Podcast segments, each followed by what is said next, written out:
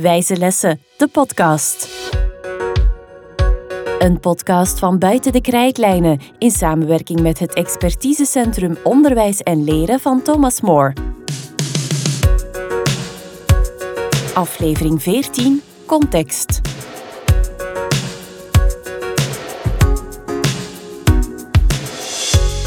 Hallo en welkom bij de Wijze Lessen podcast. In 14 afleveringen brengen wij jou 12 didactische bouwstenen bij om je lessen beter en effectiever te maken. Mijn vaste gast in deze podcast is Tim Surma, de managing director van het expertisecentrum Onderwijs en Leren van Thomas More en een van de auteurs van het boek Wijze Lessen. Dag Tim. Dag Rinke. In alle bescheidenheid, Tim, zou elke leerkracht het boek Wijze Lessen gelezen moeten hebben? Um, of dat nu per se het boek zou moeten zijn, daar zou je nog over kunnen discussiëren. Maar ik denk wel dat elke leerkracht minstens in opleiding in aanraking zou moeten gekomen zijn met principes die ja, draaien rond effectieve didactiek. Ja, en uh, het, is, uh, het is te arrogant om te zeggen dat het het boek Wijze Lessen zou moeten zijn. Uiteraard graag. Hè. Maar uh, we hebben wel een initiatief eigenlijk genomen in dat opzicht door het boek gratis ter beschikking te stellen als pdf. Ehm, denk ik wel dat daar een, een soort van brug geslagen is. Dat merken we toch op onze website. Als we naar de downloads kijken, zien we dat dat vlotjes over de virtuele toonbank gaat. Je hebt deze keer niemand meegebracht. Nee. Maar we zitten wel op een speciale locatie deze keer. Ik weet niet of de mensen het horen, maar we zitten niet in onze studio. Nee, klopt. Waar zitten we? We zitten op dit moment op het uh, allereerste Wijze Lessencongres in Hartje Antwerpen, in uh, de campus van ons expertisecentrum, tijdens de middagpauze. Uh, voorwaar, met een aantal toeschouwers in de zaal die heel stil hun broodje opeten, maar dat is een, een soort van mooie afsluiter van de opnamereeks. In deze aflevering, de veertiende aflevering, willen we een beetje context en duiding geven bij die twaalf bouwstenen. In het begin hebben we de inzichten even uitgelegd. Nu kijken we even terug op die twaalf bouwstenen. Misschien moeten we eerst al beginnen met die context. We hebben het eigenlijk de hele tijd gehad over didactiek. Mhm. Twaalf bouwstenen voor effectieve didactiek, zo worden ze genoemd. Dat is een domein van expertise van een leerkracht, maar een leerkracht moet natuurlijk veel meer kunnen mhm. dan, dan enkel didactisch sterk zijn. Er zijn nog domeinen van expertise die geformuleerd worden. Welke zijn er nog? Ik denk dat je sowieso, als je gaat kijken naar het grote geheel van wat een leerkracht eigenlijk zou moeten kennen en kunnen, dan denk ik dat er een stuk vakinhoud zit. Dus puur het vakinhoudelijke. Stel, je bent leerkracht eh, biologie, Frans, geschiedenis, maakt niet uit, lager onderwijs, hoger onderwijs. Dus je hebt vakinhoudelijke expertise nodig. Dan heb je die algemeen didactische, waar het boekwijze lessen rondgaat. En een idealiter vindt zich dat ergens in een kruisbestuiving die men dan vakdidactiek noemt.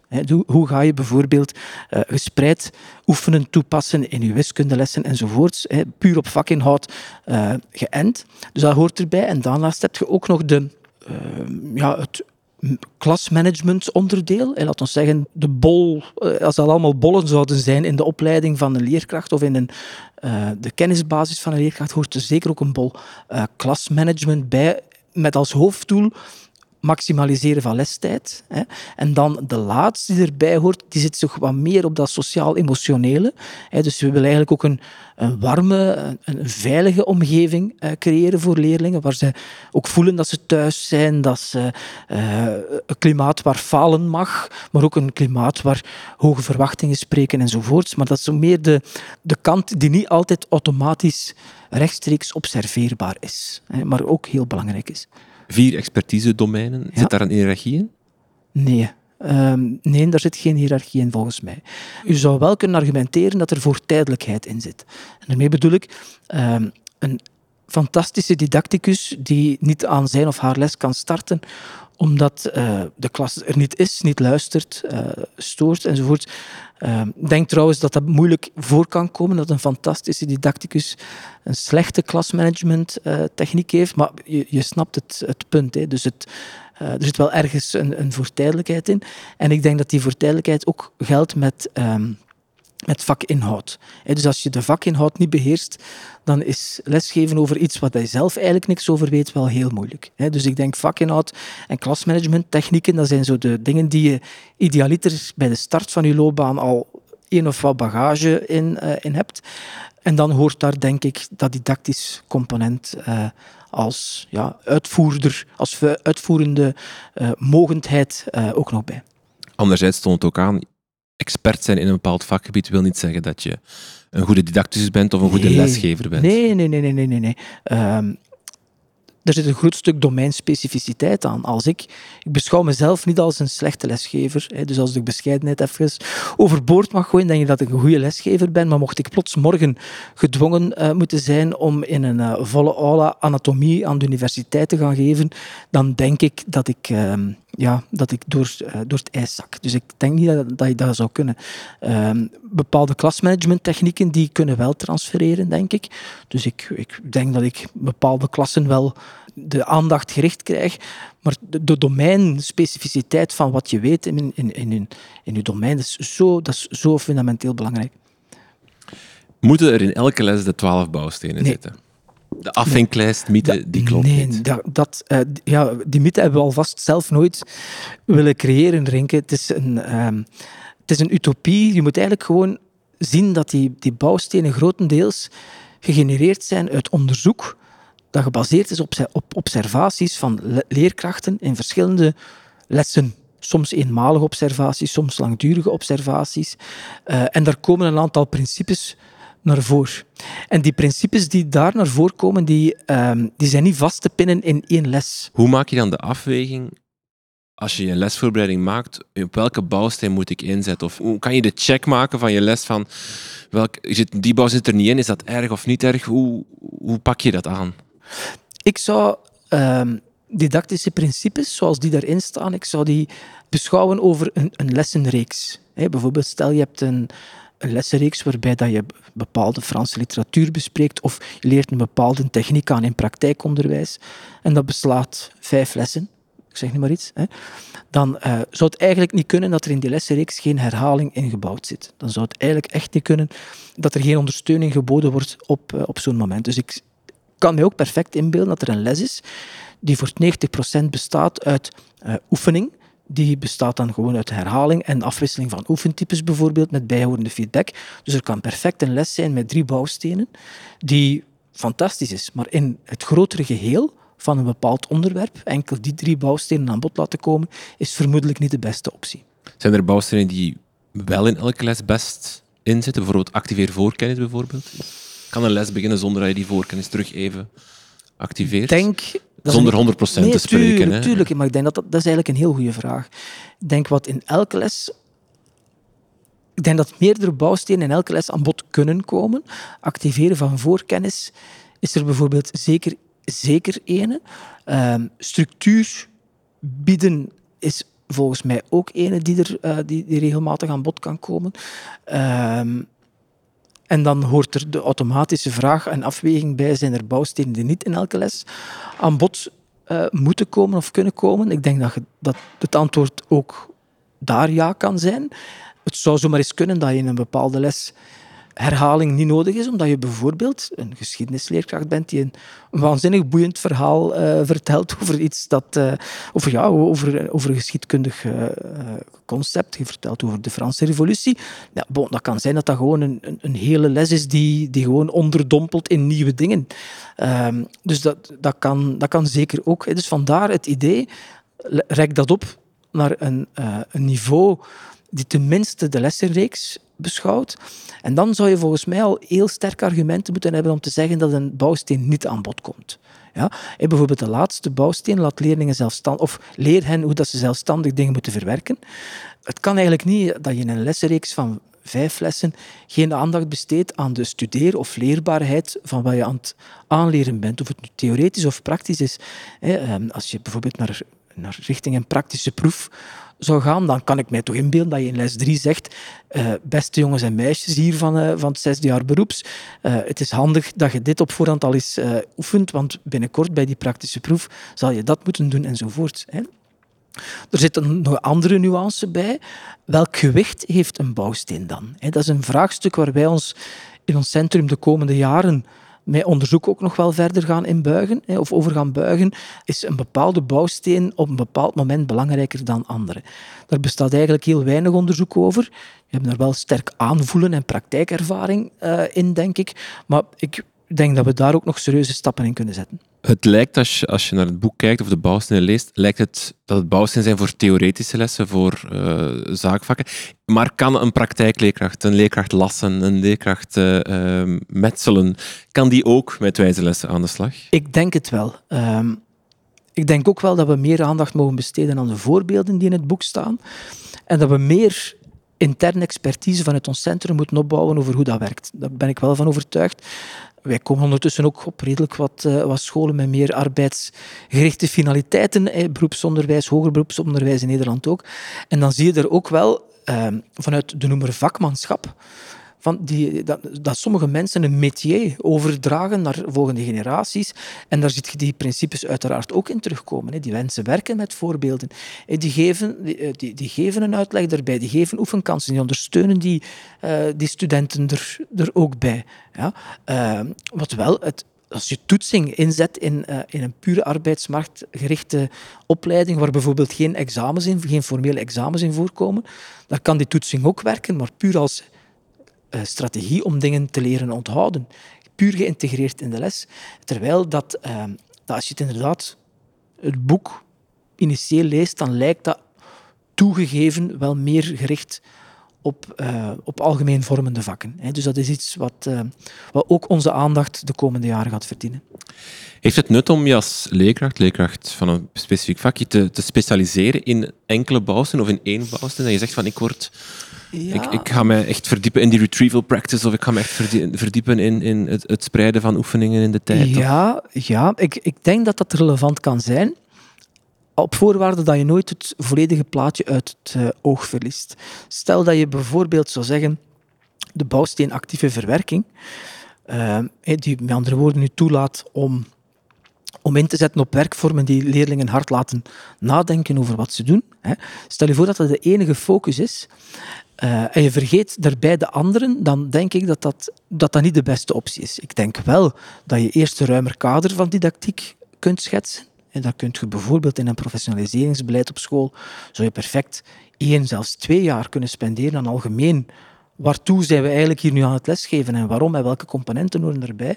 En dan zou je kunnen zien van, ja, kijk, ah, we merken toch dat die toetsing toch eigenlijk continu summatief ingezet wordt. Dat kan een vaststelling zijn in een schoolbeleid en dan zou je kunnen inzetten op bijvoorbeeld twee bouwstenen, waarbij dat je toetsing als leerstrategie en feedback bijvoorbeeld. En dan zou je, daar, dat zou je kunnen uittypen. Maar ik zou dat nooit als uh, uh, zonder enig ruimer kader zeggen, ik ga, we gaan alleen die bouwsteen doen. Ja. En binnen, binnen vakken of tussen vakken, zal je daar een specialisatie zien ontstaan?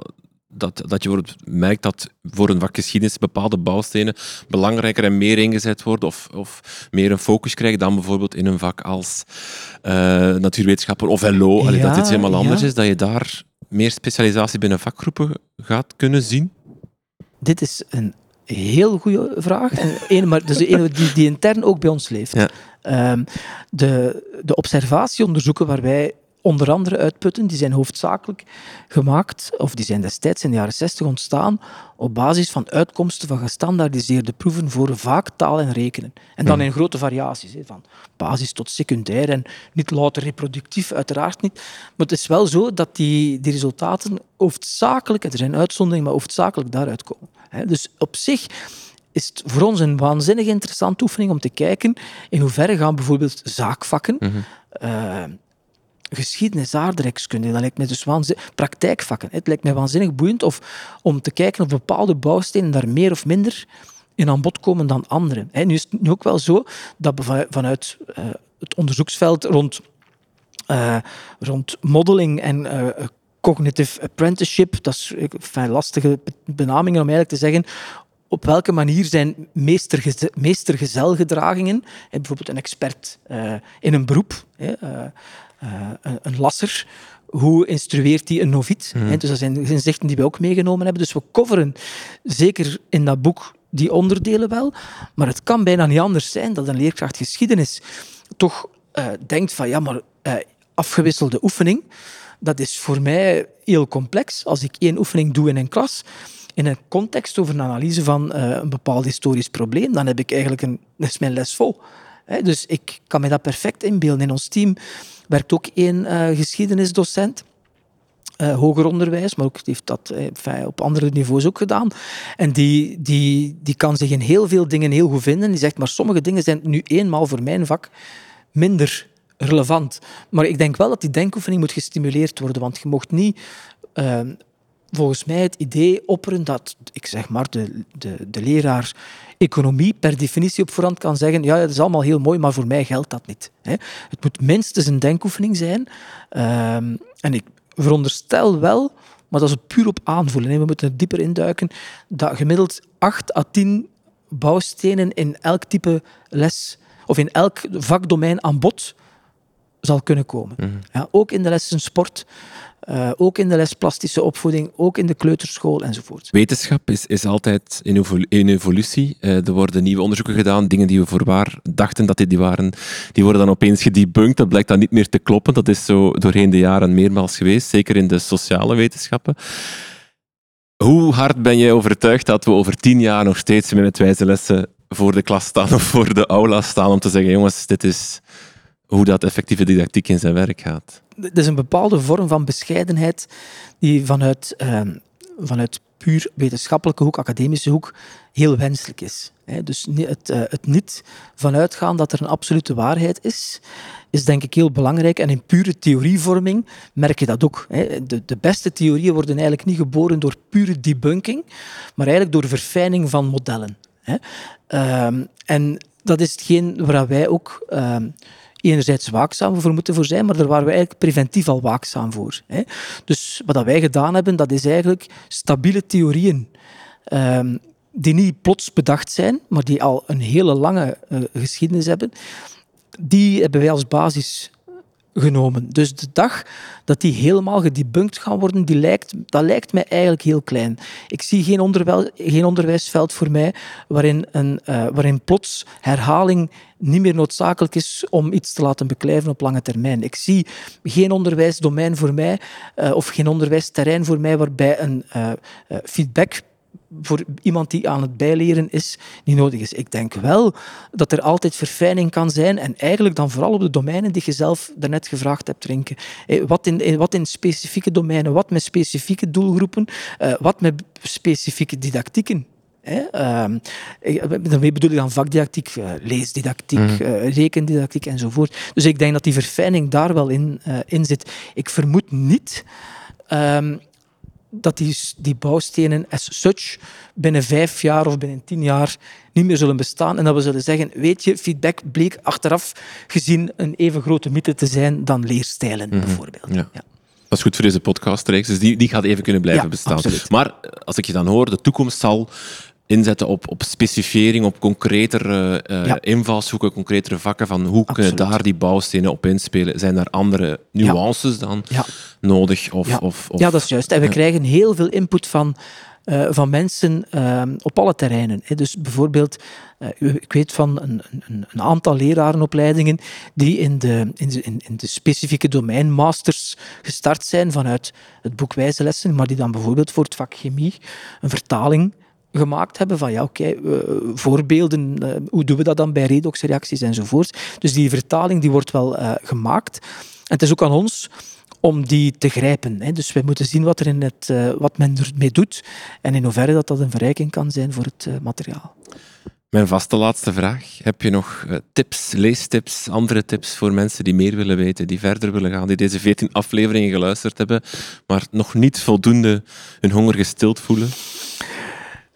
Ik zou eerst en vooral al zeggen, als je de dertien vorige afleveringen, de leestips, doornomen hebt, dan, uh, dan denk ik dat je al een paar jaar verder bent, ten eerste. En misschien ook even zeggen, we hebben een topje van het boek besproken in deze veertien afleveringen. Duik in dat boek. Ja, uh, sowieso. Daar staat veel meer in. Hè? Ja, dus als het echt gaat over uh, de, de, de toekomst van, van het boek zelf, dan zou ik u eerder aanraden om u te abonneren op de nieuwsbrief van ons expertisecentrum, omdat je daar op de hoogte gehouden wordt van de, de onderzoeken die we zelf uitvoeren rond wijze lessen in de praktijk. De komende jaren zal je daar uh, vaak updates van krijgen. Oké, Tim Surma, heel veel dank voor deze 14 zeer boeiende gesprekken. Dankjewel. Dankjewel.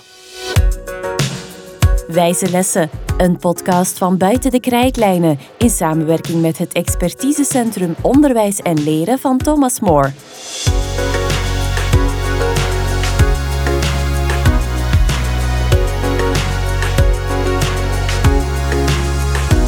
Wil je meer weten over wijze lessen en deze podcast? Surf dan naar www.dekrijtlijnen.be.